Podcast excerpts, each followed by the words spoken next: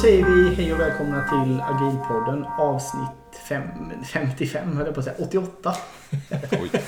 Bra Erik. Avsnitt 88. Vi börjar närma oss 100-strecket faktiskt. Sjukt nog. Ja. Rasande tempo. Ja, faktiskt.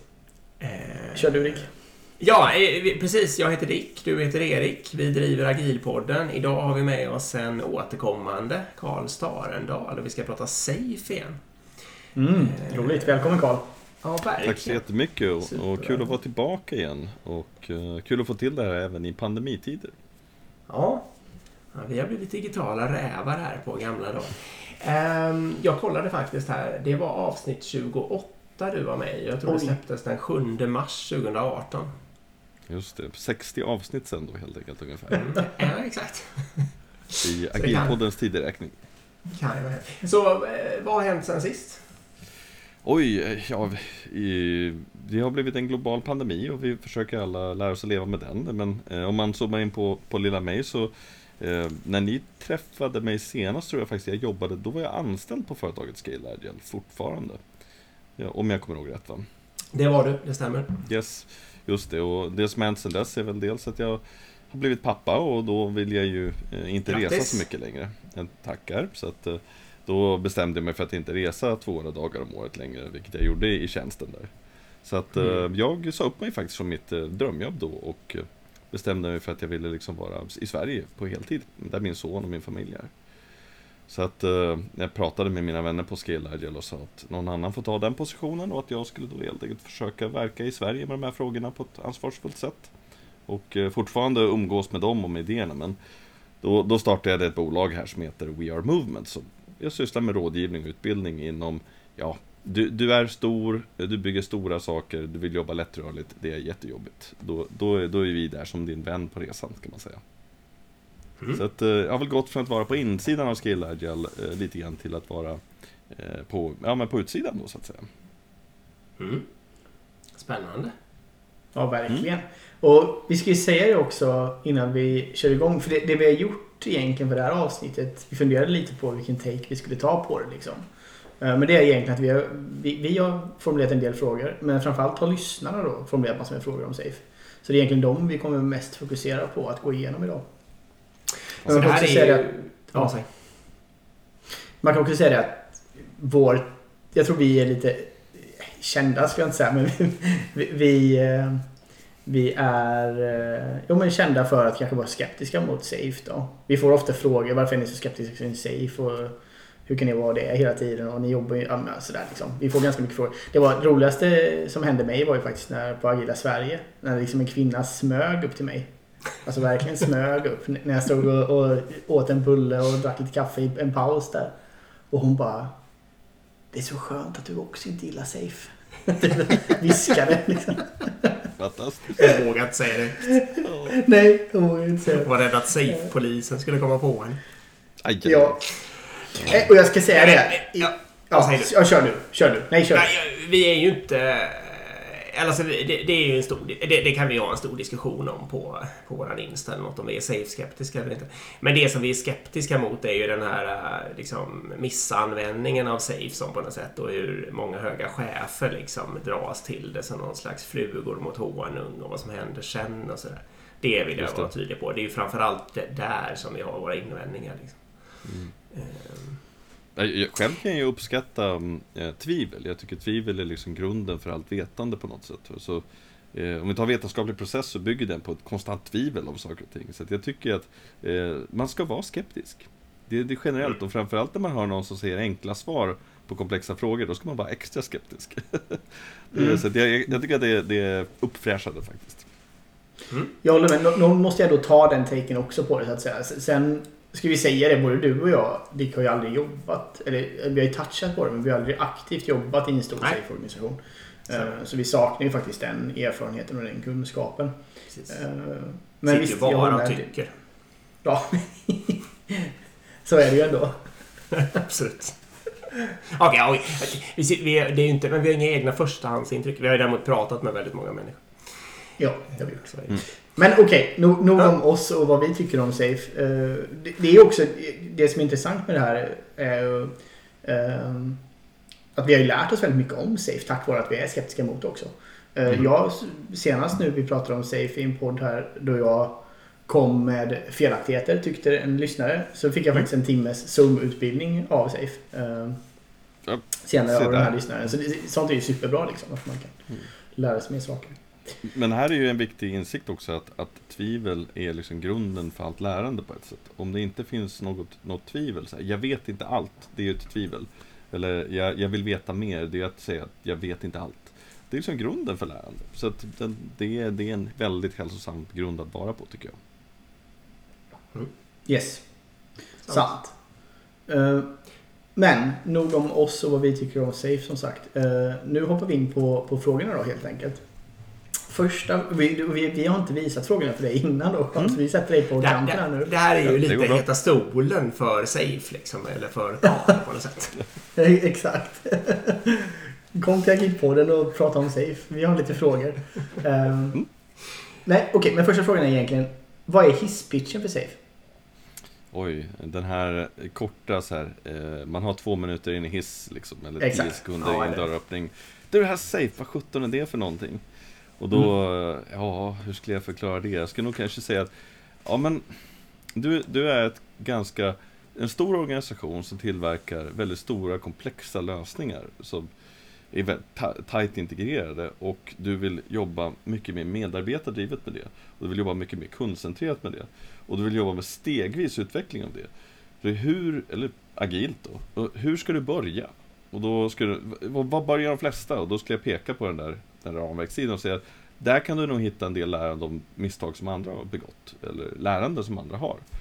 Jaha, så det är alltså kodifierad eh, praktikkunskap från fältet om hur man tacklar den typen av frågor som kommer när man vill jobba kunddrivet, medarbetarfokuserat, liksom i lättrörligt. Och framförallt då när man bygger stora lösningar. Mm. Det skulle vara en sorts hitch, Mm. hisspitch liksom.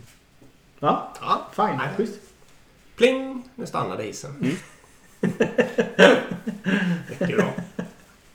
Tack för ljudeffekten Dick, den var behövlig ändå. Ta nästa Dick. Eh, om du endast fick använda en del av ramverket vid coaching av kunder, vilken del skulle det vara och varför? Oj, en del av ramverket. Hmm, då skulle jag nog förutsätta att hisspitchen stämmer då, så att säga. Det är, en, det är någon som är en ganska stor organisation som försöker bygga stora komplexa integrerade lösningar. Och de säger vi vill jobba på de här sätten. Och jag bara fick plocka en, då ska jag nog plocka eh, grundprinciperna i ramverket. Eh, de, så att säga då tio linagila principerna som ramverket står på. För de i ganska enkel form ger mig en lins. Och vi pratade om det här senast när vi träffades. Som liksom tar med mycket av lean produktutveckling och mycket av liksom agil systemutveckling och sätter det i ett bra sammanhang. Utan att nödvändigtvis fokusera på vilken metod ska jag ta? Eller hur ska jag liksom göra? Utan det säger mer hur ska jag tänka? Så det är väl de jag skulle ta med mig till en öde ö. De tio principerna där helt enkelt. Mm. Okej, precis. Och de är ju ändå ganska ehm, alltså de är ju ganska på, de är på ganska hög nivå. Eller hur? Det är typ så här, man ska ha system thinking och man ska... Ja, och så vidare. Fokusera på flöde och eh, försöka Ja. få ner mängden pågående arbete och framförallt decentralisera beslutsfattandet och flytta beslutsfattandet närmare medarbetare och närmare kund. De, de, den linsen tycker jag är som en den är ju genial på så sätt att den inte berättar för mig hur jag ska göra, den berättar hur jag ska tänka, hur jag ska förhålla mig. Och då Mm. få med även de här perspektiven som, som blir väldigt tunga när man är dessvärre väldigt många människor som ska samverka lättrörligt och medarbetardrivet. Så att eh, de är min favorit, min favorit skulle jag säga. Alltså, för, eh, för att vara uppriktiga, vi satt ju och förberedde en föreläsning som vi ska hålla för en myndighet här i veckan. Mm. Och då tittade vi faktiskt på de där och sa att den här delen av Safe är ju riktigt bra. Så det är nog det som Agilpodden också skulle välja som sin... Om vi var tvungna att använda en del av materialet för att coacha dem så skulle vi också gå loss på principen. Så jag är helt Och- med min- dig där. Mm. Min- standardfråga när jag får en safe-fråga är liksom så här. Åh, vad säger ramverket om X? Det brukar gå till, okej, ta, ta det från en principsynpunkt. Om vi tar ett principiellt tänkande här, hur ska vi tänka då? Alltså om vi då ska ta med decentralisering av beslutsfattande och försöka få ta ett ekonomiskt synsätt på. Då då, blir det ofta väldigt kraftfull diskussion som inte är, ska sprintarna vara tre eller en vecka? Så, ja, fast det är väl inte det viktiga. Det viktiga är hur vi tänker under. Liksom. Mm. Mm. Absolut, nu, nu just med sprintlängden så har vi det definitiva svaret. För vi poddade ju med Jeff Sutherland som är Ja. grundare av Scrum. Och en av våra frågor till honom är hur lång är den perfekta sprinten? Ja, och då sa Vad han... var den? Vi är de få faktiskt i världen som har det definitiva svaret på Ja. eh, en vecka var hans... eh, Ja, det var så till slut ja. Så kort som möjligt egentligen var det som Yes, var hans det poäng. Mm. Exakt, desto kortare, för det är ju feedback, längden på feedbackloopen som är intressant egentligen. Mm. Och eh, den batch som kommer med den helt enkelt. Absolut. Yes, precis. Men det var lite sidospår. Jag, jag ska bara en följdfråga på det här innan vi går Mm. vidare till nästa fråga. Det är att ehm, du pratar om organisationer som är väldigt stora och har väldigt stora komplexa system. Eller Ehm, att det är framförallt st- stora integrerade lösningar skulle jag säga. stora integrerade lösningar, precis. För jag tänker det att är inte det också ett grundproblem att man försöker bygga stora integrerade lösningar? Det är, det är ju generellt ganska svårt att bygga stora saker. Det är, desto större en sak är, desto farligare är den brukar jag säga. Så att generellt råder så här, måste du bygga en stor sak? det är en standardfråga. Och Mm. där tror jag vi ofta bygger stora saker i onödan. Men när jag ser, Mm. eh, när jag ser människor som försöker säga, vi ska flyga till Mars. Okej, eh, och då är det så här, ja, det är ett komplext integrerat system som kommer att flyga dit. Det är en så kallad rymdraket. Den är liksom svår att bara så här, kan ni tackla det här på ett annat sätt? Ja, mm. ja den är svår. Lösningen blir ganska stor, hur den vrider vänder på det. Eller många biltillverkare idag som är så här, kan ni disaggregera ner bilen till, som produkt eller som affär till mindre delar? Då finns det ofta en minsta möjliga konsumerbar lösning som är så här, det här är minsta saken that makes sense to the customer problem. Varför pratar jag engelska för? Jag menar, det här är minsta saker som gör som det blir så i vårt fält ibland. Det- Mm. Eh, Det här är den minsta saken som kunden kan använda som, som liksom löser deras problem. Och där finns det en del saker i samhället som framförallt när det blir cyberfysiska lösningar då, så det är både hårdvara och mjukvara som är ganska stora. Och de kan också behöva lite agil kärlek brukar jag säga.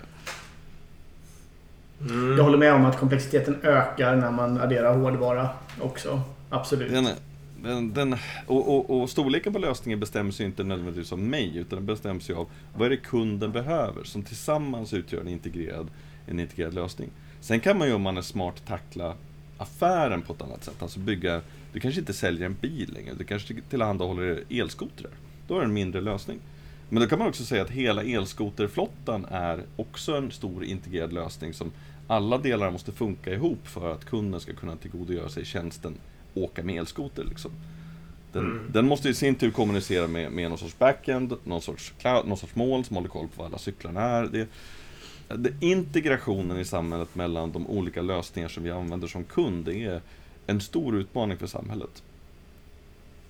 Mm. Nej, det stämmer ju. Jag jobbar ju på ett företag. Jag jobbar ju med alltså, ren mjuk, stö- stödjande mjukvara. Liksom. Mm. Men de människorna som jobbar med eh, integrerad mjukvara i en, en fysisk produkt, de är, tittar ju mycket mer på att... Eller, ja, de tittar mer på skala också. Men jag menar, de har ju också mycket mer den utmaningen. Det får jag ju erkänna att de verkligen behöver eh, vara många människor som gör en specialiserad sak var för att få ihop en stor helhet. Mm. Så det ligger ju väldigt mycket i det. Det, det är ju så. Det är ofta är det ju, jag menar, er, ja, förlåt, Eriks fråga är ju mera, den blir mycket, mycket mer adekvat just om, man, om när man inte har hårdvara eller liksom när det verkligen borde gå att dela upp pro- produkten eller tjänsten som man gör. Liksom.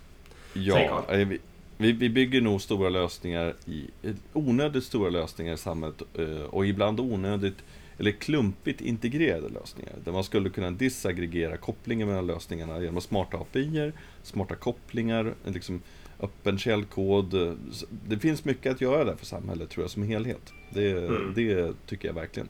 Så att min första fråga blir ofta så här, måste du bygga en stor lösning? Det, Mm. Berätta varför du måste göra det.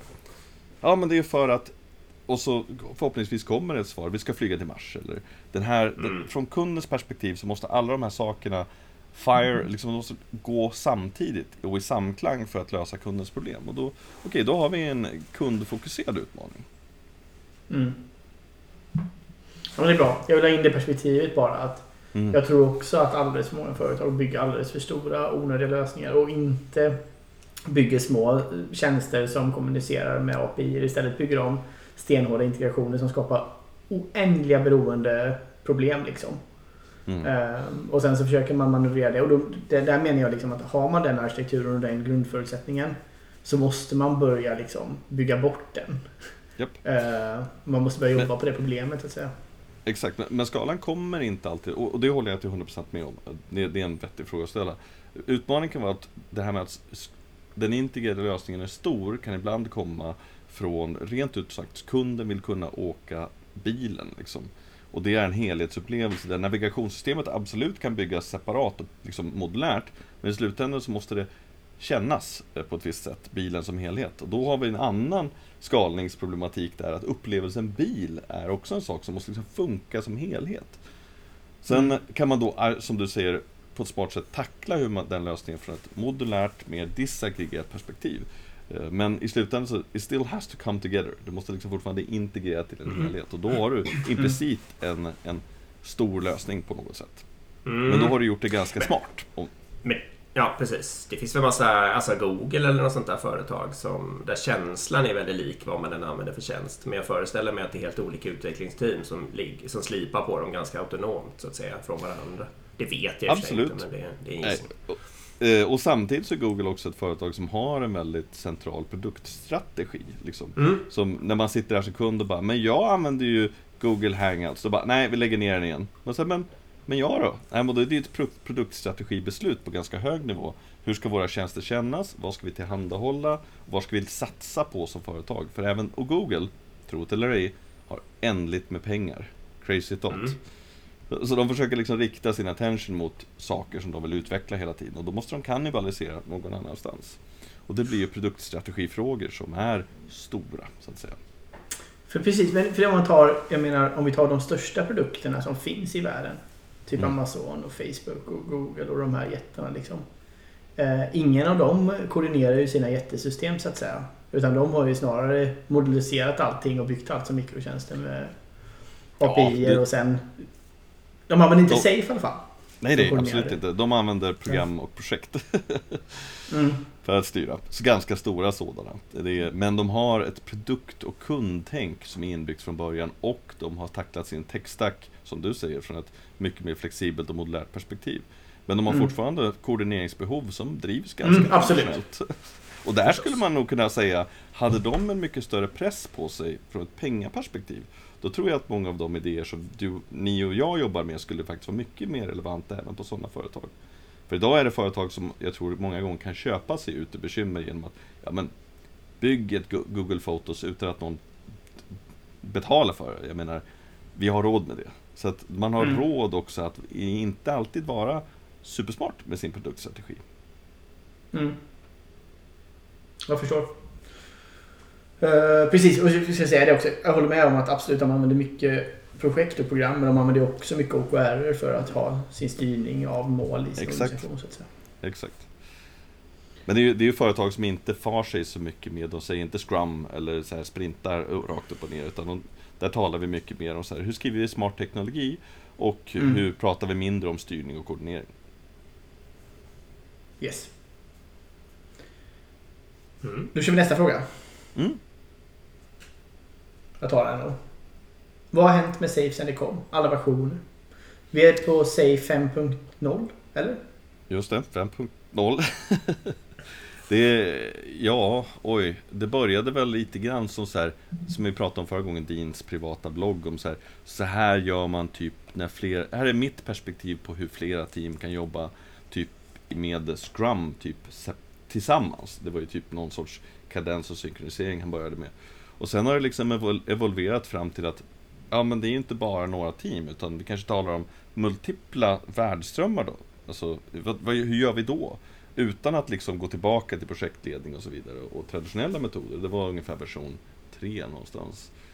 Och sen så vi i version 4 så kom även rådgivning in i ramverket kring så här, hur gör man då om det är cyberfysiska lösningar? Om det är, säg den här rymdraketen. Och sen vid version 5 här så på riktigt försöka ta med driftsfrågor. Alltså DevOps-begreppet och så vidare. Så att det, var, det har evolverat mycket för vad praktikerna i fältet har gjort och vad de har behövt. Så att det reflekterar hela tiden, jag tror, ett steg bakom eh, praktikerna, det vill säga ni. Och så försöker ramverket, eller folk som jag som är inblandad, försöker integrera tillbaka. Vad gör folk just nu? Så det är alltid ett steg bakom de som är bäst kan man säga. Så varje version försöker ta in vilken typ av frågor slåss de med nu. Och det sista som kom med version 5 var att under de sista två åren så har jag nästan var än jag varit så har jag sett om man är, jobbar med lättrörliga team, tvärfunktionella arbetsteam, så ser man plötsligt ett team som inte sitter och kodar.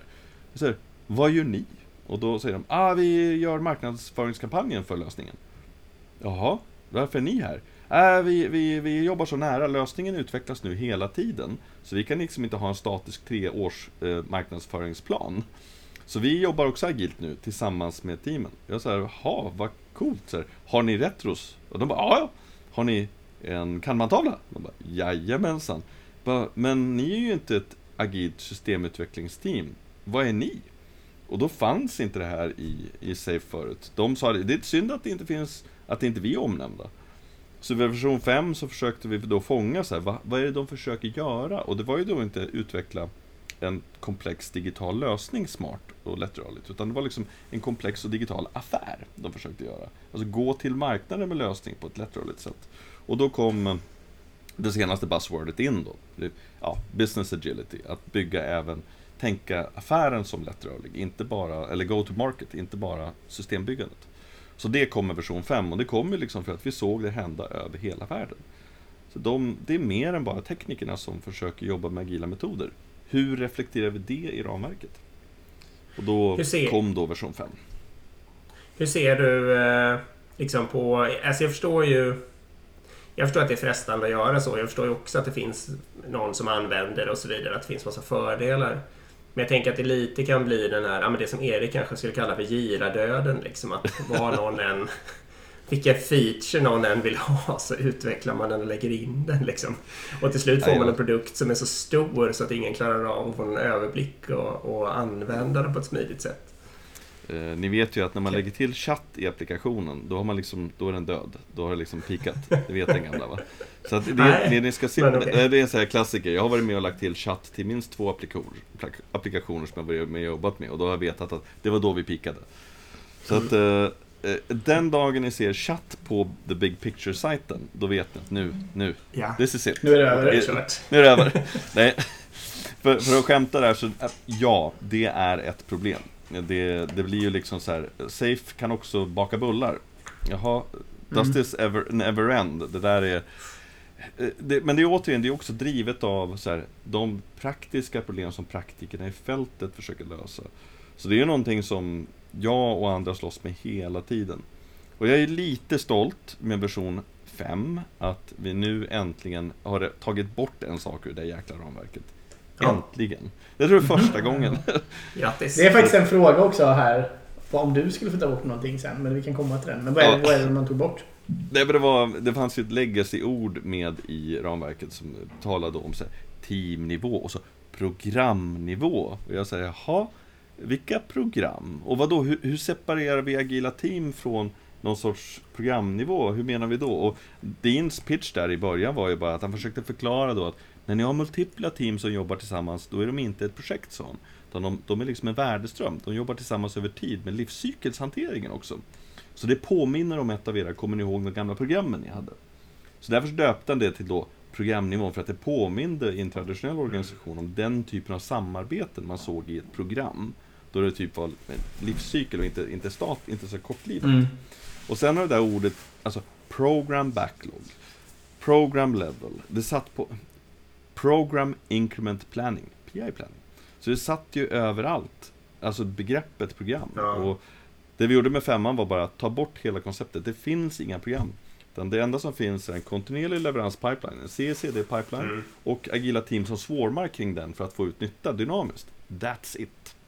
Och det var en sån konceptuell förändring som, där vi faktiskt tog bort någonting som satt där, som tog bort en massa konstigt tänkande. För annars tittar folk på ramverket och säger, jaha, det där är våra program.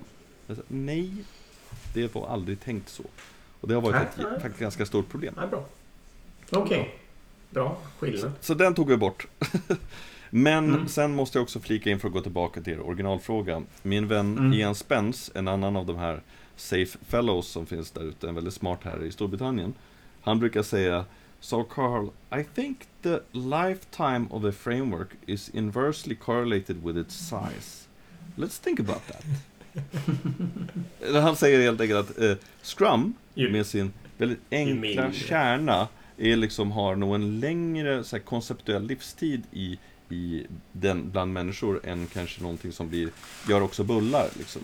Och jag tror Mm. han har en vikt, viktig poäng där. Att Mm. Om vi ska förvalta den här idén så måste den ha en stark kärna och vi måste vara beredda att, att liksom fokusera på vad är kärnan? Det är de här samarbetena som det här möjliggör.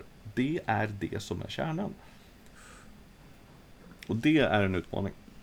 Mm, jag förstår det. Och det är samma sak med agilt egentligen. Om man Ja. tänker på det. För det är ju manifestet och principerna liksom. Mm. Det är också egentligen ganska lätt och simpelt på ett sätt att ta till sig. Mm. Ehm, och det är väl egentligen... Om jag hade, om jag hade fått ändra en sak med Safe då. Nu Mm. ställer jag frågan till, frågan till mig själv här. Ja. Då skulle jag ju lyfta fram principerna mycket, mycket mer. Det skulle ju vara framför metodbilden så att säga. Mm. Eh, Det är samma här och här kan väl jag se lite grann som mitt jobb när jag ändå har den här positionen då som jag menar safe fellow då och kan prata svenska. Att jag har liksom tillåtelse att bli frågad om och om igen. Hur ska vi tänka kring det här? Och då kan jag välja vilket samtal jag har.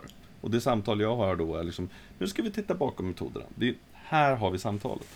Och det känns som en viktig del av mitt bidrag då, och se till så att det är det samtalet det här ramverket möjliggör. Mm. Mm. Men man kan ju Bra. välja att prata om man kan välja att prata om det på ett annat sätt också. Mm. Ska jag fire off en fråga till här? Kör. En idé skulle vara att fundera på när safe-implementationer blir bra respektive dåliga. Vad skiljer åt? Varför lyckas en del? Varför misslyckas en del? Hmm. Mm. Ja. Jag skulle nog säga att det vanligaste... Ja, ja fortsätt. Ja, kör. Eh, Det vanligaste problemet är att man inte förstår när man börjar tas med de här idéerna som finns i agilt eller i ramverket Safe eller så. Man förstår inte vad ordet lyckas betyder. Så man har inte ens kanske riktigt ställt sig frågan vad är det för organisatorisk eller kundpåverkan vi på riktigt är ute efter? Utan man säger det är ju mina konkurrenter har börjat jobba agilt och det känns viktigt att vi kommer igång med det nu. Jaha, eh, vad vill du åstadkomma? Ja, men det är väl kul med lite möten och, och det är väl kul. Det är väl billigare har jag hört också. Alltså, ja, Mm. nej, nej, eller eh, bill, bill, ja absolut, men vad är det du vill åstadkomma? Alltså, ja, men det vet jag inte riktigt, men jag vet att det ska vara agilt i alla fall. Då finns det ju ingen definition av framgång eller motgång. Då är det bara så här, det är, ja vi har en pågående agil transformation. Jaha, okej. När är den klar? Det vet jag faktiskt inte. Så att den är nog det vanligaste, att man inte kan säga konceptuellt så här. Om inte vi har mer medarbetardrivet eh, planering och arbete, om inte vi har mer kundfokuserat lösningsutforskande, då kommer vi inte att vara meningsfulla för våra användare och våra kunder på de här sätten på den här tidshorisonten. Det kommer kosta oss så här mycket. Då kan man börja tala om, var det framgångsrikt eller inte? Alltså kan man konceptuellt förstå de synliga effekter som man är villig att uppnå med att flytta sig mot att jobba på de här sätten. Med att ta de här synsätten på hur man jobbar. Så Mm. där har vi nog en lite högre nivå så att man inte kanske ställer sig den riktiga frågan om vad framgång ens betyder. Utan det är mera, det är väl bra. Eller det är väl bättre än det gamla. Och då, då blir det ofta varken bra eller dåligt. Då blir det bara något. Okej. Det är väl ändå. Så, Men, ja, eh, yes. precis. Jag skulle bara sammanfatta det. Det är egentligen det du säger är att om det inte finns ett mål med det med något sätt. Mm. Då är, då är det lättare att gå vilse i det så att säga. Än om det finns Ja. ett tydligt mål. Ja. Må, må, och målet kan ju inte vara införa Scrum. Det, är liksom, det, det, det går ju inte liksom. Eh, Det, så att det är väl ena sidan, men om man ska försöka konkretisera lite grann, för det är ändå en viktig fråga, så ska vi säga att de tillfällen då jag har sett de här, man har kommit igång med att nu ska vi jobba lättrörligt, vi har hört att det är bättre, och en vanlig sån här, vår befintliga systemutveckling är så pass dyr och accelererar så mycket i kostnad år över år, så om inte vi gör någonting annorlunda, då kommer inte vi ha råd att betala hyran på det här stället ens om två år. Det är så här, den har jag hört några gånger. Så här, vi ser en exponentiell ökning i IT-kostnader. boom, okej, okay, bra. Så här, det vi gör har nått vägs ände. Vi kan inte ha bättre program eller bättre projekt eller så, utan det, vi kommer inte längre med det. Okej, okay, bra. Då är vi igång. Och då är frågan då, eh, vad är ni villiga att göra annorlunda? Och då kommer det som klämmer lite grann. Okej, okay, men det är väl trevligt ifall medarbetaren kan jobba lite annorlunda. Mm -hmm. ja, ska vi förändra hur vi allokerar pengar? Ska vi förändra hur vi följer upp arbetet? Ska vi förändra hur vi går till marknaden eller hur vi segmenterar lösningar? Nej, det är vi inte beredda att göra. Men vi är jätteberedda att ha några P-planeringar eller att kanske eh, stå upp när vi har möten. Och då tappar man dessvärre att ledarskapet behöver förändras. Den delen, hur vi leder, det vill säga hur vi ser på medarbetaren, hur vi ser på kunden och hur vi ser på liksom resan mellan de två sakerna. Där, där den delen inte vill förändras, utan man ser det mer som att det här är något som medarbetaren ska göra annorlunda, då blir det ofta ett storm i ett vattenglas, lite kul post-its, i bästa fall en liten DevOps pipeline någonstans, men kanske inte någon egentlig skillnad för kund och medarbetare som är meningsfull. Mm. Jag tycker också kanske på något vis att det finns lite det... Nu är det ju mina fördomar om Safe som kommer mm. här då, men, men, att det också finns någon form av... Alltså att, att äh, absolut höga chefer kanske tycker att medarbetare ska förändras. Men de lyckas ju också hitta massa saker i Safe som de, som de själv... Så de gör någon slags eh, halvförändringar. De hittar massa mm. nya piffiga verktyg som gör att de tycker att de har gjort en förändring, eller gjort en förändring kanske de har gjort för aldrig. Eh, men som i själva verket bara blir repressiv och konstig just därför att de inte har förklarat för medarbetare eller liksom chefer längre ner eller vad det hur, hur man liksom bör ja, Och de kanske inte har förstått det helt. Ja, du, du håller med om det lite? Jajamän, eh, jag har fått frågan. Ja men Karl, alltså vi vill ju inte göra safe eller egentligen jobba agilt. Men kan du komma och lära oss hur vi har PE-planeringar? Alltså, men du kan ju inte, va? Du kan ju inte bara ta ratten. Så, eh, det här med sportbil är kul. Kan du visa mig hur man sätter in en sån här cool ratt med muff? Alltså, det kommer mm. inte göra att bilen går fortare. Det är ju bara ratt med muff liksom. Mm. Ska, ska du byta motor? Ska du förändra karossen? Ska du... Nej, jag vill bara ha ratt med muff. Och då, då har man ju bara cherrypickat eh, en sak och sagt jag åt bara kristyren. Tårtan var inte god. Ja, men det, det blir ganska sött med bara kristyr, sorry. Så det är ju en sjuka. Att man då, alltså Agilt är ju ett system. Det är ett sätt att, eh, med, ett sätt att tänka, ett sätt att se på saker som hänger ihop tillsammans. Och plockar du bara en del så mm, då funkar inte systemet. Mm. Mm. Jag håller med. Ehm, men det är ju oberoende av safe eller inte så att säga. Så är det ju... Ja.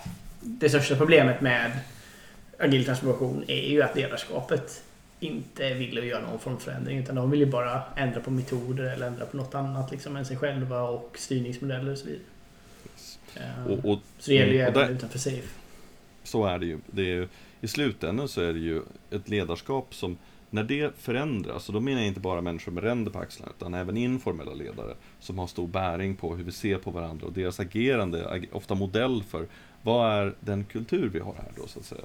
Och när vi förändrar lite grann hur vi ser, hur vi går till medarbetaren och hur vi gör genom de nyckelrollerna agerar, då börjar också kulturen i organisationen förändras. Och utan den, då blir ju det en, vi luftlandsätter sprintar i en ganska dysfunktionell arbetskultur och då blir det ju inte så stor skillnad egentligen. Så att, att ha ledare som vågar säga, jag kan representera den här förändringen genom mitt agerande och mitt sätt att prata med er och se på saker. Så då, då finns det en otrolig chans för en förändring kan jag säga. Så att det är väl min mm. successkriterie då, framgångskriteriet är liksom att ledare, informella och formella, som vågar säga vi kommer att börja jobba testdrivet här. Vi kommer att börja jobba med design patterns här. Vi kommer att skriva kod på ett annat sätt. Vi kommer att fatta beslut om kunden på ett annat sätt. Och eh, även våga framförallt låta det reflekteras i deras agerande. Nyckel. Mm. Mm. Bra. Mm. Vi kör vidare till nästa grej va? Mm. Kör. Uh, då är frågan, vad önskar du att alla coacher och chefer visste i relation till SAFE? Oj, i relation till SAFE? Att SAFE inte löser dina problem. Ja, bra svar. Ja. Mm. Utan eh, i bästa fall kan trycka problemen i ansiktet på dig riktigt, riktigt, riktigt tydligt. Det är bra. Dick, nästa. I en perfekt värld, skulle du fortfarande förespråka Safe? Oj, då får man ju väga in lite grann vad ordet perfekt värld betyder. Ja, verkligen. Ja. Jag tänkte på den frågan också, för det är så här, behövs ens en liv? Ja, behövs en systemutveckling? Nej, men vi kan ta några olika då, om man tänker sig... Eh, nu tolkar jag någons fråga här. Men om man tänker sig att man menar liksom att det är, menar att det är lite som på Google då eller något sånt där. Att eh, Mm. man har fått till sig ganska många smarta människor och fått ihop någon slags team som funkar bra och sådär. Och har en arkitektur som är eh, Mm. ganska, ja, uppmuntrar autonomi. Mm. Ja, autonomi är ett, ett väldigt laddat ord som är lite speciellt sådär, så jag är alltid försiktig med det. Men för jag menar, jobbar du på Google så jobbar, är du inte autonom, då, då jobbar du på Google. Ja, okej. säga. Eh, Man, kan ha, man kan ha ett visst lokalt beslutsfattande som är, som är affärsrelevant eller kundrelevant, absolut. Men eh, vad säger så här då, perfekt värld. Jag tror för mig handlar det lite grann mer om hur många olika samarbeten det är som behöver hända. Eh, Är man, vi är 20 pers på Google, behöver vi Safe? Jag skulle nog spontant säga nej. Jag säger, kör på. Det är, eh, se till att ni jobbar trunkbaserat och att ni eh, tänker kundnära hela tiden. Kör! och att ni är datadrivna. Kör! Eh, så att jag skulle nog säga att det ofta handlar om hur många människor är inblandade, hur många olika samarbeten. Vi är 200 pers på Google som försöker bygga Google Photos tillsammans och det är ganska svårt för vi har inte tacklat maskininlärning tillsammans förut. Ja, kanske skulle kunna vara bra att ha gemensamma, en gemensam puls för hur vi fattar beslut eller en gemensam backlog för hur vi ser på lösningen och så vidare. Så att eh, jag skulle nog snarare säga att det är perspektivet dels hur många människor är inblandade och egentligen hur komplex lösningen är, hur integrerad den är på någon sorts diagram. Och desto högre upp på det diagrammet, eh, desto större behov av att kanske ta, plocka delar av som finns i Safe eller Less eller de här ramverken så att säga. Så Om ni kan är... bygga... Ja, så här, om ni kan bygga och gå till marknaden med lösningen med en handfull personer, för guds skull, använd ingen skalningsramverk. Nej, just det. Men du tycker ändå att om man även i en värld när eh, man ska säga, alltså när man var lite syftesdriven och hade välfungerande team och, och eh, ganska hög alignment till det långsiktiga målet och så vidare. Så tycker jag ändå man skulle ha nytta av ett skalningsramverk som Safe om man var väldigt många som jobbar på samma sak. Ja, jag har ju, ja, jag har ju försökt tackla det, de här typerna av problem utan de synsätten som finns inbakade i Safe och fallit lite grann på lindelarna, vilket är ju köhantering och egentligen det bygger upp race conditions, beslutsköer mellan team istället. Och där, när det är väldigt många aktörer, då kan det vara eh, som försöker tillsammans managera en ändlig kapacitet, en ändlig kapacitet i ett flöde. Då kan ibland eh, det bli tragedy of the commons, det vill säga att eh, alla så att säga, agila team optimerar för sina lokala behov.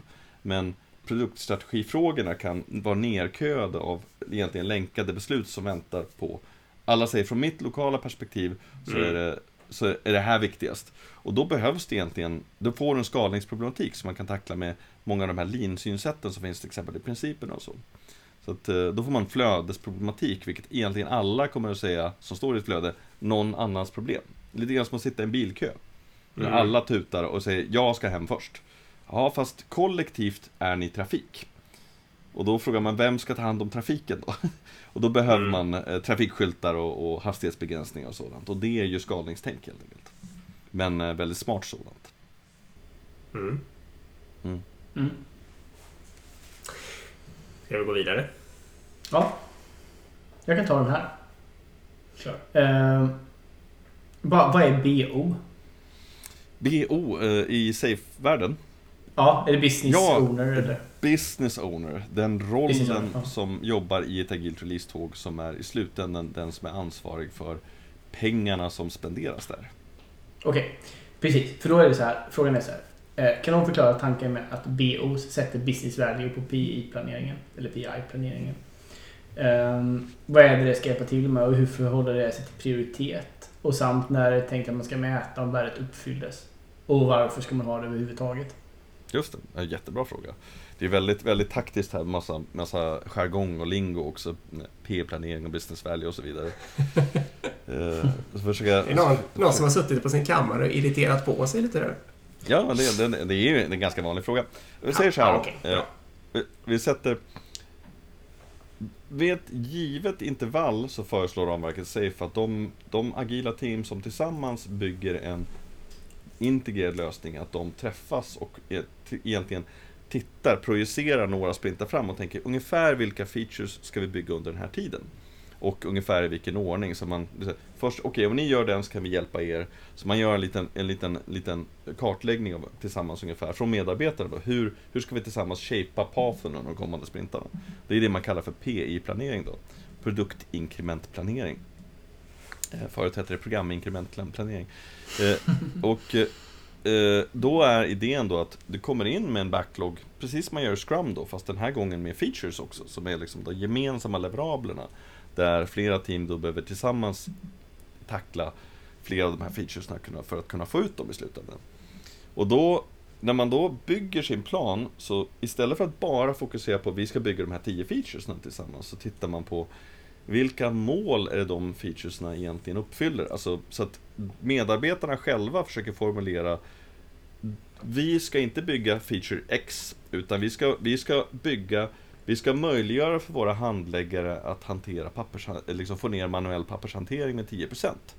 Och genom att bygga feature X så kommer vi dit.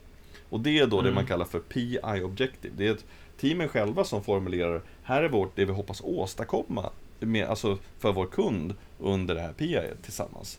Och det implicerar då ofta bygga en feature eller inte, eller flera features och så vidare. Och det man avslutar då hela PI-planeringen med, en av de sista grejerna är att dra in den här rollen då, den här business owner, som ofta är helt enkelt en person som, som eh, betalar för den här festen. Liksom. Kanske ett PI kanske kostar 10 miljoner kronor. Och, och, försöka tillsammans med teamen då sätta bara en av alla de här PI objectives som medarbetarna har skrivit, vilka är då viktigaste från ett liksom, affärsperspektiv? Det är, vi, det är det gemensamma här. För all, alla kan inte vara lika viktiga. Mm. Och nyckeln, nyckeln med det är ju att liksom dels synliggöra prioriteringen. Man har reagerat, features och så är ju input till PI-planering. Medan PI objectives, de mål som medarbetarna skriver, är en outcome. De är helt enkelt, när vi har tuggat igenom PI-planeringsprocessen, så har medarbetarna själva sagt här är det vi hoppas göra. Det här är vad vi tror vi kan åstadkomma. Och då försöka stänga loopen mellan eh, Mr Business Owner, förstår du de här målen? Och är vi, är vi verkligen överens? Och då, genom att sätta business, eh, business value på dem, så bara på en enkel skala från 1 till 10, vilket är mest viktigt och minst viktigt, så stänger man loopen kring förståelsen av de mål som medarbetarna nu har skrivit, för det är de som skriver målen. Och mm. eh, affärens behov av, vad är det för saker vi faktiskt behöver då? Har vi stängt det gapet? Och då, en nyckel här är att om man inte gör det, då är det väldigt lätt att man som eh, agil team blir en, en, en, en, feature factory helt enkelt. Att vi bara, ja vi bygger feature X, Y och Z. Och det har vi levererat. Alltså, ja, varför levererar de? Ja, det vet vi inte, men de var jättebra. Alltså, men då, vi behöver flytta oss från output till outcomes, så att säga. Mm. Där har vi då, nyckeln är PI Objectives med business value så att vi faktiskt förstår, vi har reagerat på medarbetares process också. Det blev en ganska lång förklaring där men... Ja men det, det, det är lugnt, jag har hängt med. Mm. Jag har ju själv genomfört en sån här PI-planning för ja. fem år sedan kanske. Sex år sedan. Ja. Och, sånt där. och då hade vi det här med, då hade vi de här business value också. Eh, men eh, för, för det, precis. Om jag, ska vara, om jag ska tänka högt här när du berättar det här. Så tänker jag ju liksom att mitt sätt att förstå att vad utvecklingsteamet skapar för värde och inte bli en feature factory och fokusera på output istället för um, förlåt, outcome istället för output. Jag blandar alltid ihop dem där. Det blir alltid fel.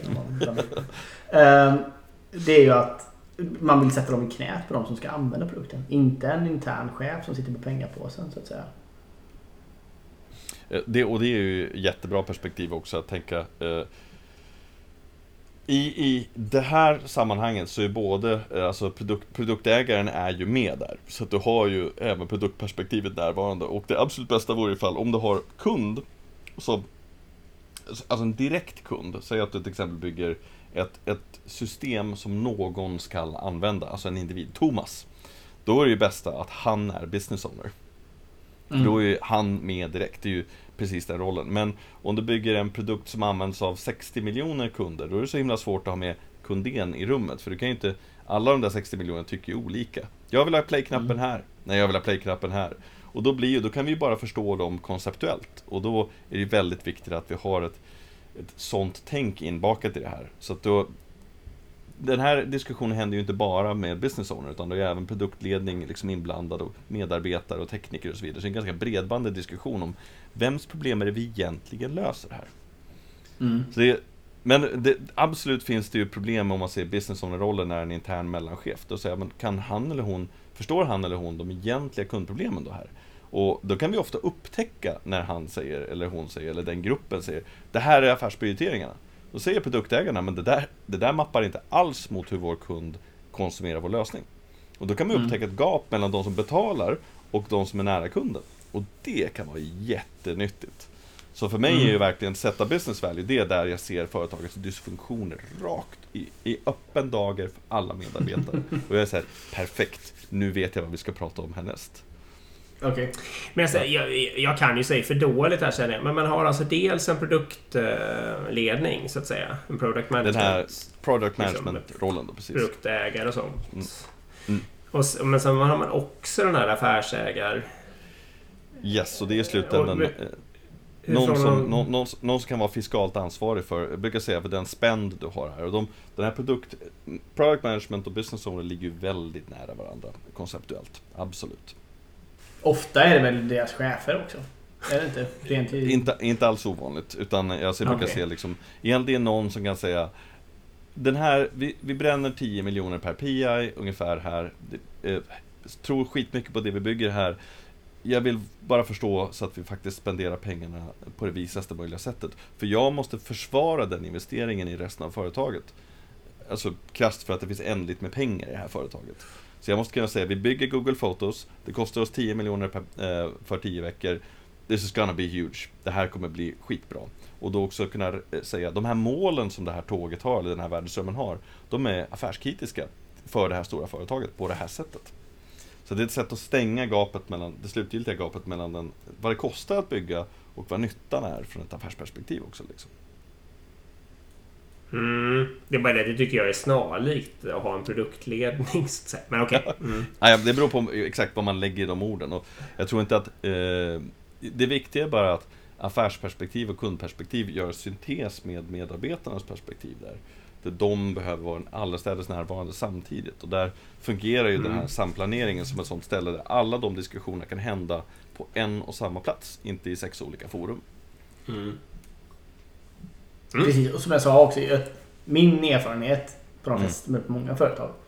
Det är ju att de här product managers rapporterar till någon form av affärschef som ansvarar för ett visst område. Sales Exakt. och marketing, något sånt där. Och Mm. det är den personen som också är business owner då liksom. Yes, I någon mån. För det är han som är ansvarig för pengaportföljen medan IT kanske bara då är en kostnad i det företaget och så vidare. Och så vidare. Ouch! Ja, jag Mm. vet. Men det är så det ser ut. Ja, det, det, det, IT har ju gått från att vara, när jag var ung, min Commodore 64 liksom. Eh, Och nu till att vara en sorts global förutsättning för att ens göra någonting. Det, ju, det har ju gått fort det här. Det, är- det, är, det är helt otroligt alltså. Nu kommer vi till den här frågan. Eh, om Mm. du fick ändra en del i ramverket, vilken del skulle det vara och hur skulle du ändra den? Oj, nej men gud vilken bra fråga. Oj. Vad ska jag välja? så, många saker. Um, oj, måste jag faktiskt tänka. Ändra. Det skulle nog vara eh, egentligen den rådgivning och vägledning som finns kring idén kring lärande organisationer. Eh, och att den, eh, vi skulle behöva göra den i ramverket mycket starkare och mycket mer integrerad kring vad det innebär och hur kritiskt det är för att de här idéerna ska liksom kunna få, få fäste i en organisation.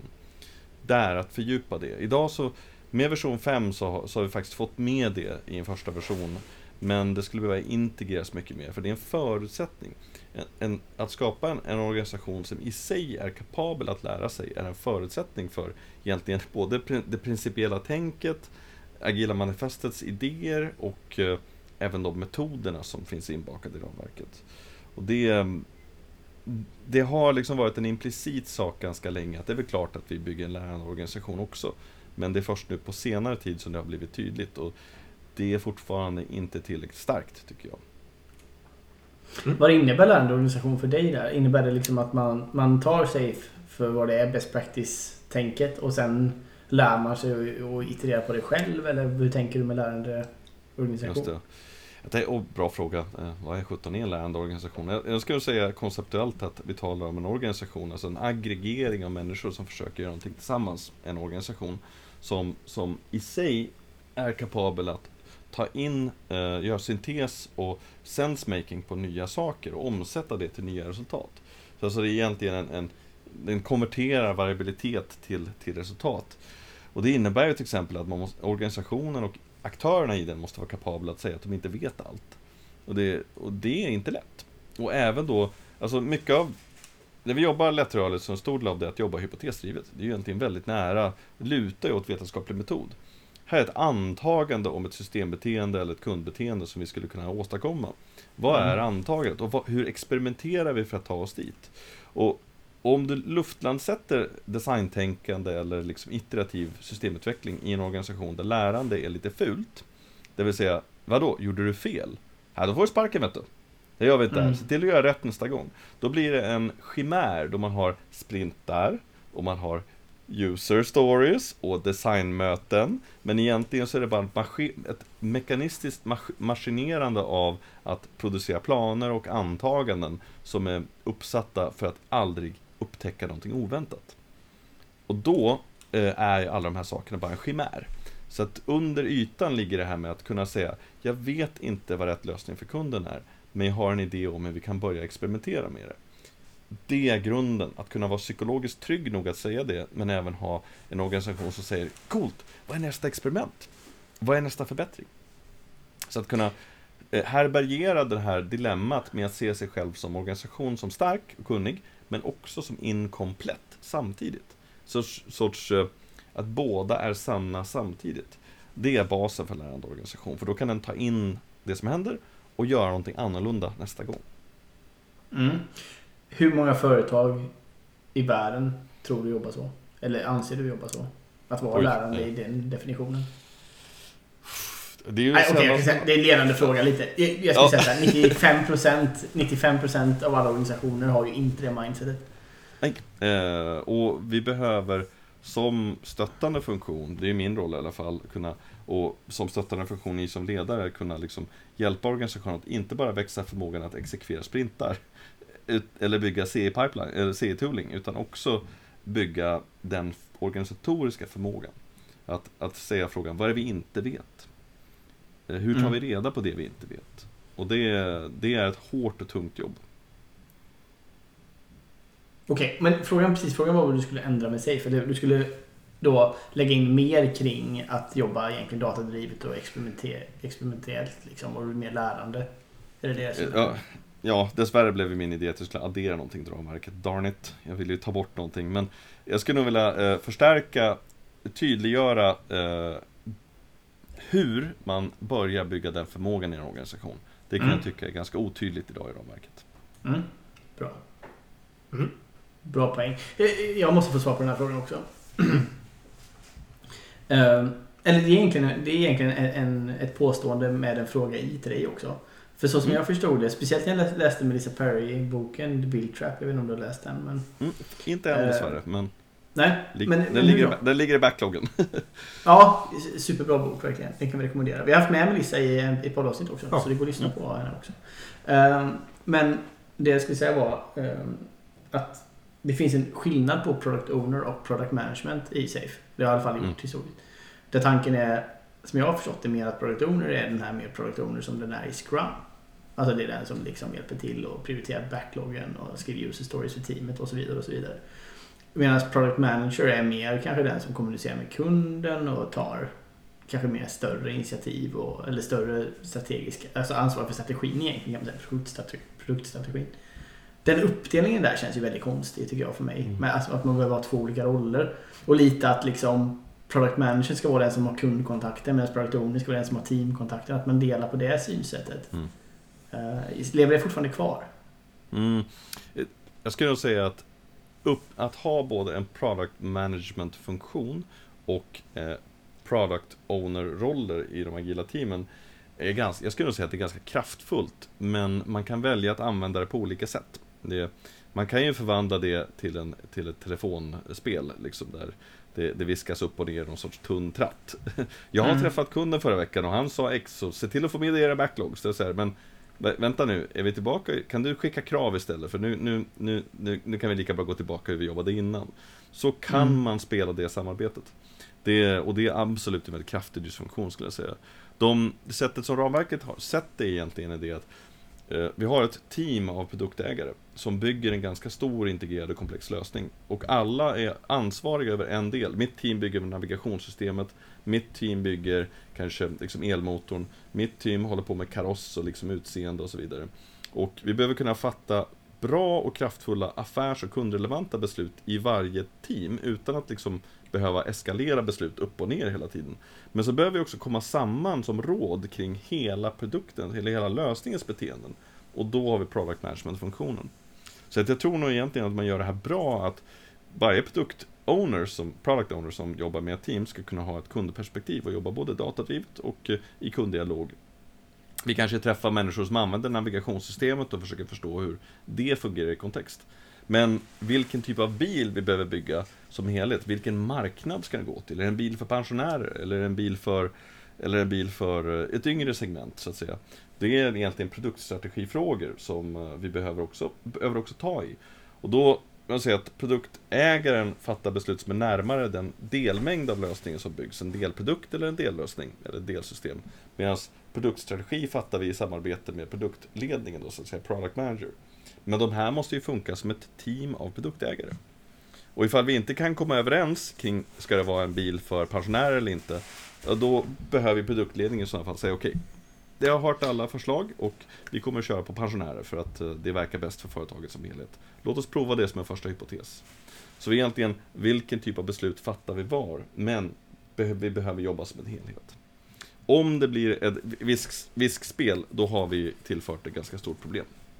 För då säger du egentligen att det är en, lite av en hierarki för produktledning, liksom, eh, totalt sett, liksom produktstyrning. Jag skulle då säga att det är ett, ett sätt av samarbeten som behöver göras och vi behöver kunna fatta både produktrelevanta, affärsrelevanta eh, beslut nära arbetet som utförs, alltså i teamen. Men vi behöver fatta gemensamma beslut om lösningen som helhet. Så Mm. då behöver vi liksom, här nere har jag mandat att bestämma över det arbetet som händer här. Och här uppe har vi mandat att, att faktiskt kunna säga det är en bil för pensionärer, det är inte en för unga. Och vi, eh, men vi behöver ändå eh, samarbeta som team för att kunna ta alla de här besluten. Mm. Men det är ju en slags hierarki, även om man precis Exakt. hjälps åt inom den förstås. Absolut. Precis, ja, och på spinnfrågan på hierarkin där är ju rapporterar de här produkt-owners till de här product management-människorna hierarkiskt liksom. Ja, får man ju fråga sig såklart men... ja, vad, Och då får man lägga in ordet, vad betyder rapporterar? Alltså är de chefer? Är de chefer? Ja. Ansvarig? Ja. Ja, det blir mycket mer så linjefråga, så hur de har strukturerat Mm. liksom, chefskap och så vidare organisationer. Mitt direkta förslag, eh, för det här är en fråga som Safe inte egentligen säger någonting om, så här, hur gör du din linjeorganisation? Men mitt direkta Mm. förslag är att linjeorganisationen stöttar de här värdeströmmarna, inte försöker sätta in interna hierarkier. Business owner är rapporterande chef för alla i tåget. Okej, ja, det- se upp med den skulle jag säga. Eller som du säger, produkt, eh, produktledningspersonerna är rapporterande och lönesättande chef för alla produktägarna. Ja, I wouldn't recommend that, skulle jag bara säga. Mhm. Utan Okej, jag det var nog min tanke. ja, nej, men det, det kan tillföra att det blir för, för många typer av beslut i samma forum. Så att om eh, de behöver kunna utmana varandra och hålla varandra ansvariga tillsammans som grupp. Det är nog bra ifall linjefunktionen inte nödvändigtvis är inbakad i värdeströmmarna skulle jag säga. Men du kan, jag har sett folk göra både och.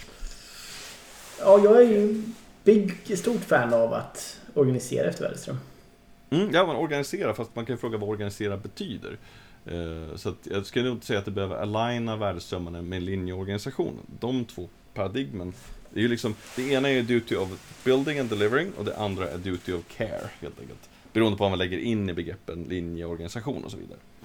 Så att organisera sig efter, efter nytta, efter, efter behov och kund är absolut centralt. Men det innebär inte att man måste lägga linjeorganisationen längs med värdeströmmarna, skulle jag säga. Mm, Det där tycker jag beror lite på om man har ett linjestarkt företag eller inte. Och lite Exakt. sådana saker i och för sig. Exakt. För har man det Precis. så måste man nästan låta linjen och värdeströmmarna vara samma tycker jag. Eller det är Mm. ett starkt alternativ. fall. Men jag Exakt. med Det är att svårt- Mm. Jag ska bara säga, Melissa var väl sugen på att ha en sån produktägande hierarki eller produktledande hierarki för mig, där man kunde göra karriär och så vidare. Och då tror jag att hon tänkte sig att man skulle rapportera i det, alltså att det skulle vara lönesättande Mm. chefer i den, eller? Ja, Erik verkar nicka. Ja, det stämmer. att likadant. Ja, och, och jag har sett folk göra det också. Eh, Så att Mm. det, ramverket säger liksom inte hur du strukturerar din rapportstruktur, så att säga. Den säger bara Mm. hur organiserar vi samarbetena som behöver hända för att kunna jobba lättrörligt med produktstrategi och byggande och, och leverans. Liksom. Mm. Precis, men jag, jag har svårt för matrisorganisationer bara. Det blir, Mm. det blir aldrig bra, enligt min åsikt. För du kommer Mm. hela tiden ha dubbla eh, liksom, lojaliteter. Du har en lojalitet Mm. mot din linje, som ändå är en lönesättande chef och så vidare. Mm. Och sen har du lojalitet mot den värdeström du då agerar i. Liksom. Mm. Eh, Ja, det, det har ju båda. Det, det ena stället är stället där vi fattar beslut om lösning och kund och det andra stället är där vi fattar beslut om det långsiktiga härbärgerandet av förmågan att bygga och utveckla saker. Så det, det, absolut, du behöver ju koppla samman i sådana fall linjen och eh, värdeströmmarna på ett väldigt bra sätt helt enkelt.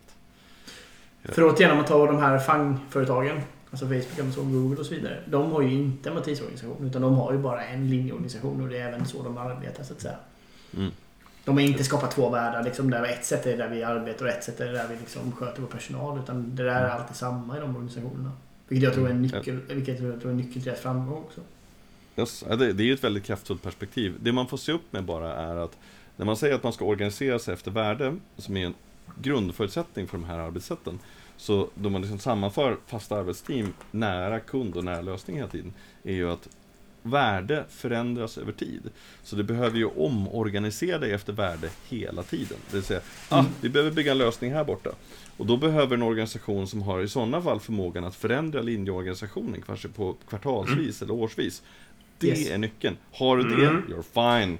E- Mm. e- Eller som har förmågan att flytta produkter och produkt, eh, liksom, eh, livscykler mellan olika organisationsdelar. Det räcker ju egentligen. Precis. Så att jag säger nog, jag har ju varit med om båda, där, både som du säger här Erik, att vi har linje, linjeansvar och så inbäddat i värdeströmmarna, fine. Det har funkat väldigt bra. Det enda som man ibland har sett är att man då ska bygga om, så att säga, förändra. Vi behöver bygga här borta. Då säger linjen, nej nej, det här är mina resurser. Här, Mm. "Äh, äh, nej men vänta, det, nej det är faktiskt kundens. så att det enda är att då måste linjeorganisationen kunna flexa till var värde är. Det är väl det enda jag skulle tillföra. Precis. Men jag tror ju på svag linjeorganisation så att säga. Jag tror den ska vara svag. Jag tror inte man ska förstärka den. Jag tror att man ska hålla den väldigt, väldigt svag. Ja. Och ha, ett- ha det tankesättet istället att vi spånar upp några team Japp. kring ett värde liksom. Och sen så får vi helt enkelt göra om det om det värdet försvinner liksom. Med respekt till att det tar lång tid att bygga upp hög, högpresterande team och så vidare. Men, men ändå. Helt, helt med på den faktiskt. Okej. Men måste, måste också bara säga här, den här frågan kommer upp mer och mer de sista åren. Vi har våra värdeströmmar, vi har team uppe. Hur ska vi strukturera våran, våran linjeorganisation? Och då säger jag, men vad är det ni vill åstadkomma med linjeorganisationen? Ah, det vet vi inte riktigt. Eh, det är väl så här lön. Jag säger, eh, det är ju mer värden än så. Så att idag säger, vi har inte skrivit någonting i ramverket alls om det. Vi har bara sagt att det där behöver ni lösa beroende på vilket land ni jobbar i, vad är det för kutym, vad ni har för lagstiftning och så vidare. Mm. Nej men alltså lön och lön. Det vi behöver åstadkomma det är att skapa chefsjobb så att det finns chefer som kan vara chef över många människor och känna sig fina. Fast det är, det är få Ja, som säger det rakt det. ut. Men eh, det är, ganska vanligt att man kan nosa sig till det om man börjar fråga lite kontrollfrågor. Det, det är ju, från i min praktik så har det blivit en fråga flera gånger då vi sätter upp medarbetarstyrda team och då vi sätter upp kundnära arbete. Så vad ska alla gamla chefer göra? Mm, exakt. Ja, då säger ja, jag, jag är ledsen. Jag, men vi kanske kan hitta jobb för dem som eh, produktledning. Jag vet inte. Men alltså, vi måste kunna... Det har blivit lite fel historiskt då, liksom att rapportstrukturen är vår enda tankemodell. Mm. Här behöver vi kunna jobba med självstyrning liksom mycket mer och då behövs det dessvärre mer indianer och färre hövdingar. Mm. Det är en ganska vanlig konsekvens. Absolut, och det är precis där, det är därför jag är emot också det här att jag menar, om man som teammedlem sitter i och jobbar i ett team dagen ända. Då ska ju inte du ha en grupp dessutom. Alltså en, en grupp som är din linjegrupp liksom. Ja. Eh, Nej. utan jag tycker att du, ditt team är ju ditt team liksom. Mm. Om ni förstår vad jag menar. Mm. Ja, eh, det är ett bra synsätt faktiskt. Det är en bra, bra anledning att behålla eh, eh, linjeansvaret även i värdeströmmen så att säga. Exakt. Precis Mm. så. Eh, Jag har ju en sån mardrömshistoria från eh, några år tillbaka. Då hade jag liksom, då var jag eh, mer projektledare för en värdeström kan man säga. Där man då mer klassiskt lånade in resurser liksom under vis- visserligen längre tid, liksom år ändå, för att bygga ett nytt system. Liksom. Eh, Problemet var att alla de här personerna rapporterade totalt till 12 linjechefer. Eh, Mm. Så ni kan ju tänka dig vilket helvete jag hade när... För helt plötsligt skulle de ha gruppmöte. Det skedde ju helt då. Liksom, helt fritt liksom. Och alla skulle på utbildningar hipp som happ. Och ja, ni kan ju tänka liksom vilken... Och de hade ju såklart superstor lojalitet till sin linje. För det är där den lönesättande chefen sitter. Mm. Och sitter man och försöker koordinera ihop det här liksom. Alla bara försvinner hipp och happ. Och jag ska koordinera med 12 chefer om eh, huruvida de här ska jobba och inte jobba. Och hur vi ska jobba. Ja, tänka er. Det, det är en utmaning som kommer med, med en matris helt enkelt. Då får du, som Ja. du säger, två olika eh, behov som slåss där. Eh, Jag måste flika in för att, eh, för att kontra det då, så bästa linjechefsfrågan jag någonsin fått och jag sitter och leder en värdeström som bygger en stor lösning. Då kommer det en linjechef som hade ansvar för alla programmerarna på bygget, alltså på, i alla värdeströmmar, som kommer till mig och säger "Eh, Karl, hur, hur går det? Jag säger, nej men det går bra, vi ska leverera, här ska levereras, nu ska det levereras, det blir skitbra. Jag bara, du, det är kul och det är bra, men jag har hört från flera programmerarna att eh, det ni gör här är inte särskilt utmanande eller intressant sådär från ett alltså, mer tekniskt perspektiv. Så hur, hur tänker du med det? Jag bara, eh, i väl jag vi ska väl leverera. Eh, så jag har mycket att leverera. Han bara, ja men tänk på att vi ska fortsätta bygga tekniska lösningar här kom, i tio år till. Så att finns det någonting vi kan göra med kod i det här, i det här ni bygger nu, som också driver vårt kunnande, alltså craften kod framåt? Ja. Och jag bara, det är faktiskt ett väldigt bra fråga tänkte jag. Alltså jag är ju, Ja, vi var ju ja. kortsiktiga, för vi skulle ju bygga Ja. en lösning och vi hade en kund och allting, men han sa det är all fine, men vi ska serva lösningar och kunder i decennium till. Hur, hur, hur tar vi hand om den långsiktiga förmågan här? Och jag bara, vi måste ändra någonting, sa jag bara. Du har ju en jättebra poäng. Så han kom till mig med ett synsätt som gick på tvärs, som var, Mm. jag vet att ni ska leverera, men Karl, tänk på klimatkrisen. Alltså de större, eh, Mm, mm, liksom, mm. common questions. Så det, det uppskattade jag. Det var ett bra linjeperspektiv som ingöts då i, i värdeströmmen så att säga. Ja, kul. Mm. Vi kör nästa fråga. Ja. Mm.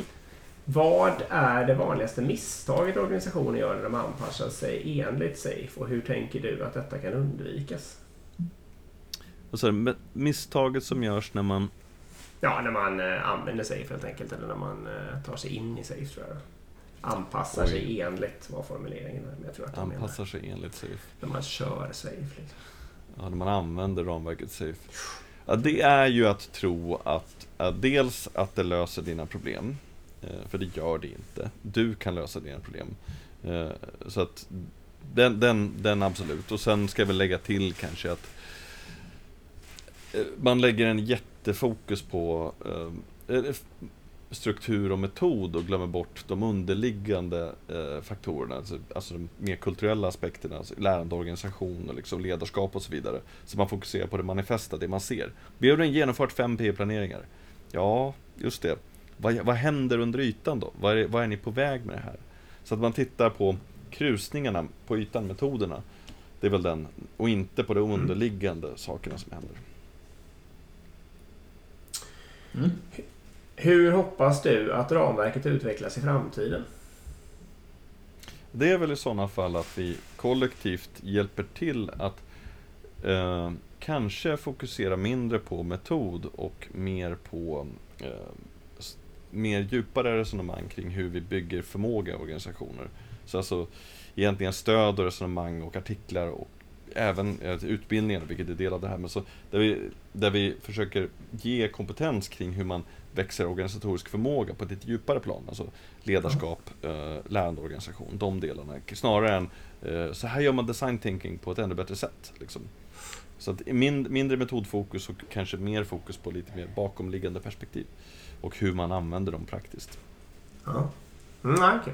eh, om jag själv ska svara spontant på samma fråga så skulle Mm. jag säga att jag hoppades att det blev hälften eller en fjärdedel så stort eller något sånt där. Mm, sant. Jag skulle faktiskt can- säga att för... Ja, säg. Uh, you can never remove a feature.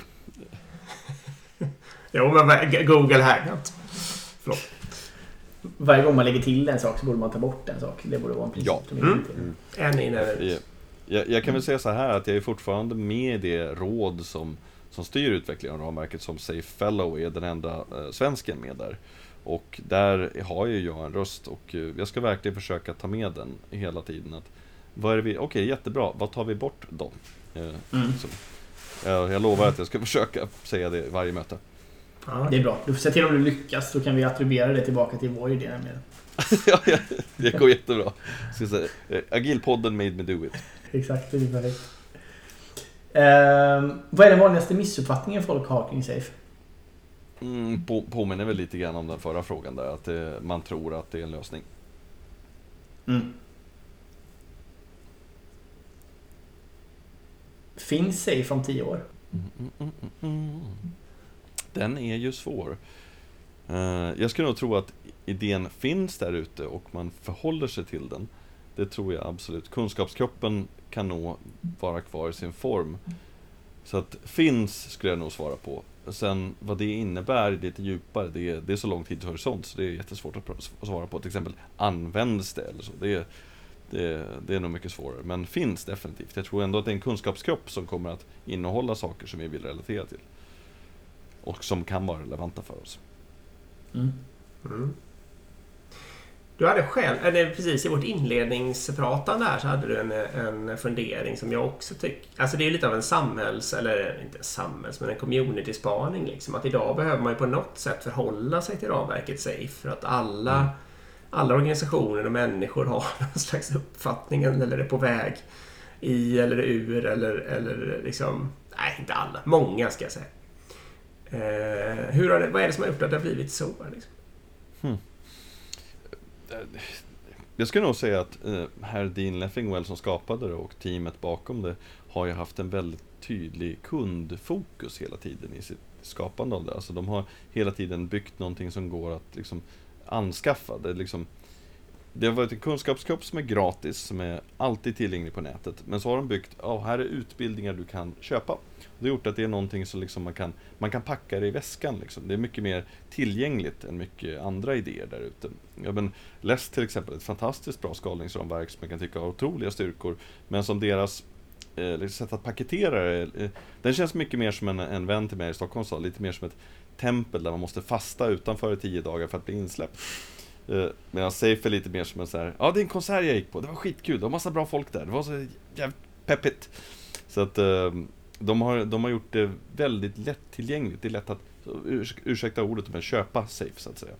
Och det har nog Mm. gjort att de har liksom tappat in i, de har tappat in i en marknadens kraft att driva idéers spridande.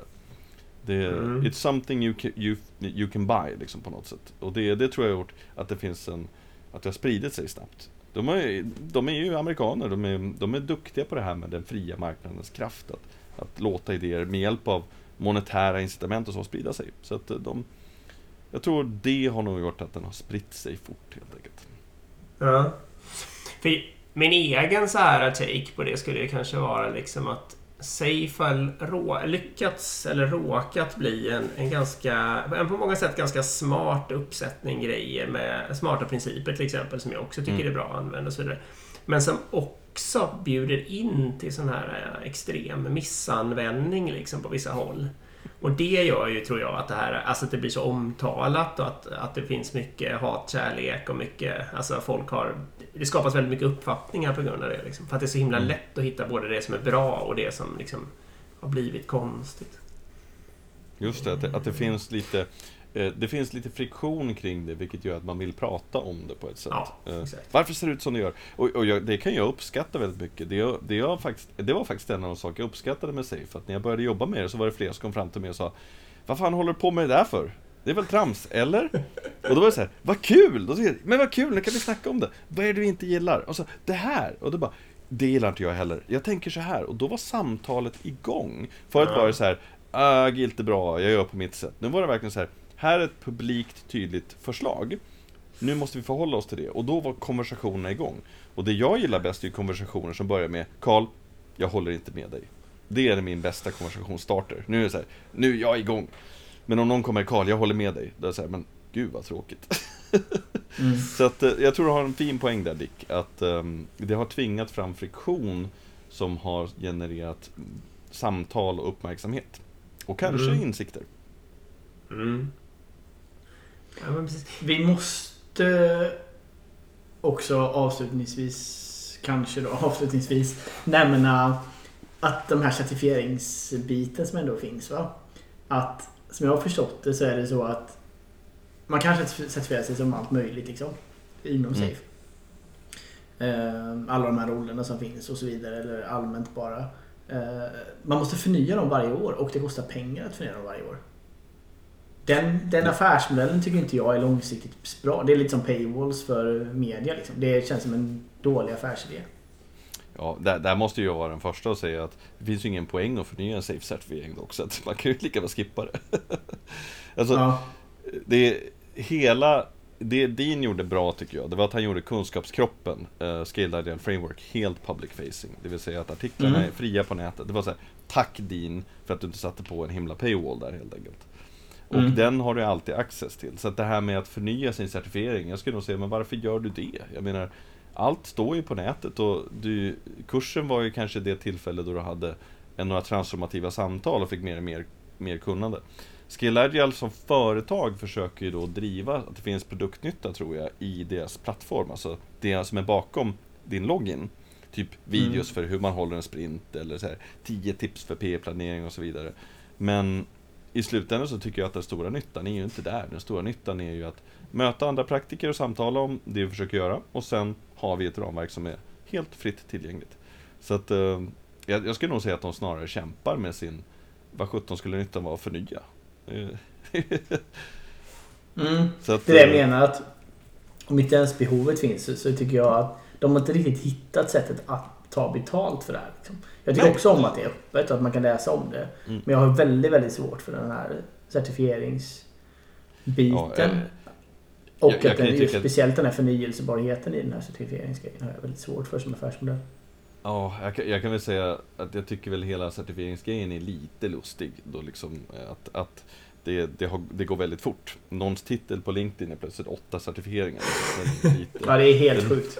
det är ju lite sjukt faktiskt. Det är lite, det är lite hysteri kring det faktiskt. Eh, Men att Scale Agile har en ganska misslyckad affärsmodell bakom att förnya sin certifiering, det tycker inte jag nödvändigtvis är dåligt. För då behöver man inte förnya den. Nej, nej. Så länge de håller så här, se till att allt är tillgängligt och gratis. Kör på med det grabbar. Det blir bra. Ja. Vad är din skill... Så här... um, Att nu vara på utsidan eller vara hangaround liksom versus när du var förut på insidan. Har du ändrat din egen bild liksom? Egentligen kanske inte så himla mycket, för jag var ganska både skeptisk och eh, jobbig. Jag är, jag är ganska jobbig i Safe-communityn, för jag håller inte med folk. Det, jag tycker alltid att, att, det, att det, vi behöver för, utveckla mer och vi behöver förenkla och vi behöver liksom tänka annorlunda. Så att kanske fortsatt vara ganska kritisk och jobbig röst i den communityn. Men det, det jag gör nu är att jag är inte kopplad, när jag var som anställd som om jag möter ett företag så hade jag på mig en blå skjorta och så står det safe på den. Det är lite konstigt för mig då att plötsligt säga, jag tycker faktiskt att här kanske vi borde prata om less istället. Idag så är jag ju eh, helt obunden. Alltså för Mm. mig är det ju bara så här, vad behöver du? Det finns ett ramverk som heter Safe, jag kan absolut nämna det om det behövs, men jag kan helt och hållet obundet fokusera på bara mycket närmare, vad är den lösning du behöver? Som anställd på företaget Scale Agile skulle det vara lite konstigt om jag plötsligt säger, nej men det här är inte rätt för dig. Så att eh, det har väl snarare gjort att jag känner mig lite mer fri i hur jag Mm. praktiserar mitt yrke. Vi kanske ska börja runda. Ja, jag är nöjd. Mm. Vi är en timme och typ 20 minuter in. Just det. Um, precis. Ja, men jag också, vill du, någonting du tycker vi har missat Karl som vi borde benämna mer om? Eller typ, eller? Nu är vi Jag är tillbaka. tillbaka. Nej men eh, Mm. jag tycker vi fångar med de flesta vanligaste frågorna och några lite luriga så här. Så vad, vad vill du göra med ramverket? Det tycker jag var lite, lite kul att prata om. Mm. Det var ju det var ju svårt. Jag önskar jag hade fått förbereda mig. Ja, men det är också lite eh, skönt att du inte är förberedd. För då blir det liksom lite mer ärligt eller lite mer spontana Yes. svar också än, än inövat liksom. Så Så det finns en sant. skön poäng med det också. Mm. Mm. Mm. Äh, vad kul! Mm, ja, men jag, jag vet inte. Det är väl en sak som kanske skulle vara eh, kul att få med och det är väl lite grann Jag ser på mig själv och min roll Jag blev ju anförtrodd med att liksom eh, Både jobba där och sen även ha några, några, no, några positioner kring det här ramverket som är lite, lite mer tongivande Och det har då gett att jag blir ofta inbjuden till människor i beslutsfattare som vill jobba med det här Och där kan vi säga att jag ser en av de viktigaste uppdrag för mig framåt är helt enkelt att Det är att uppta positionen i marknaden i Sverige som annars skulle upptas av en komplett psykofant som säljer lätta svar och lösningar och Snake Oil med Safe. Så ibland så känns det som mm. att om mm. jag bara upptar den här positionen och står tyst så har jag tillfört nytta. Så att, eh, mm. jag vet inte hur man kan fånga det, men eh, så vad, vad, vad, är det Movement och mitt uppdrag är med det här Safe? Hur ser vi på oss själva? Och det är egentligen att på ett ansvarsfullt sätt svara på alla de här frågorna som kommer av ramverket och inte liksom falla in i ja, men, de enkla svaren. Kanske inte går att få in i en podd utan att det blir en sorts reklamjingel liksom. Men... Nej men det är okej. Man får göra reklam i den här podden. Ja, det får man det också göra. Det är inte SVT. Men, mm. men jag menar, jag, får, jag håller med dig också. Alltså, du, du står ju för... Du, eller vad ska man säga? Du, du ser ju saken från ett vidare perspektiv än att du bara försöker mm. sälja in sig hela tiden. Det håller jag med dig mm. mm. Då så, då tar vi pausar eller stänger av vår inspelning här och så ska jag säga tusen... Ja, förlåt. Säg. Nej, säg du Erik. Tusen tack skulle du säga. Exakt, jag ska säga tusen tack för att du var med igen. Vi, vi får väl helt enkelt ses om, vad blir det, 60 avsnitt till, till då? vad är det? Två år eller något? Ja, och, och sen, sen, måste jag säga att eh, mellan oss två, eh, tack så jättemycket för att jag fick vara med igen. Jättetrevligt. Och eh, grabbar, eh, om eh, jag får äran att utbilda er i Safe någon dag så säg till. Jag fixar ett vi, vi gör en, en jättebra deal. Bara, det skulle vara så kul att ha med er i rummet och gå igenom de här idéerna topp till botten någon gång. Ja, ja verkligen. Det, ja, det, det, det, ska vi nappa på. Ja, eh, det, det hade varit en ära. Ja, mm. Tusen tack för detta. Till alla som lyssnar. Yes. Verkligen. Och mm. precis, vi kan säga det snabbt också att vill ni oss någonting så finns vi på Instagram under Agilpodden eller på mejlen agilpodden gmail.com och eh, var hittar man dig Karl? Helst, alltså var vill du helst bli hittad så att säga? Ja, eh, karlstarendal.se eller wearemovement.se nås jag ju lättast på. Mm. Mm. Härligt. Bra. Tack. Tack, tack då. Hej. Tack så mycket. Hej.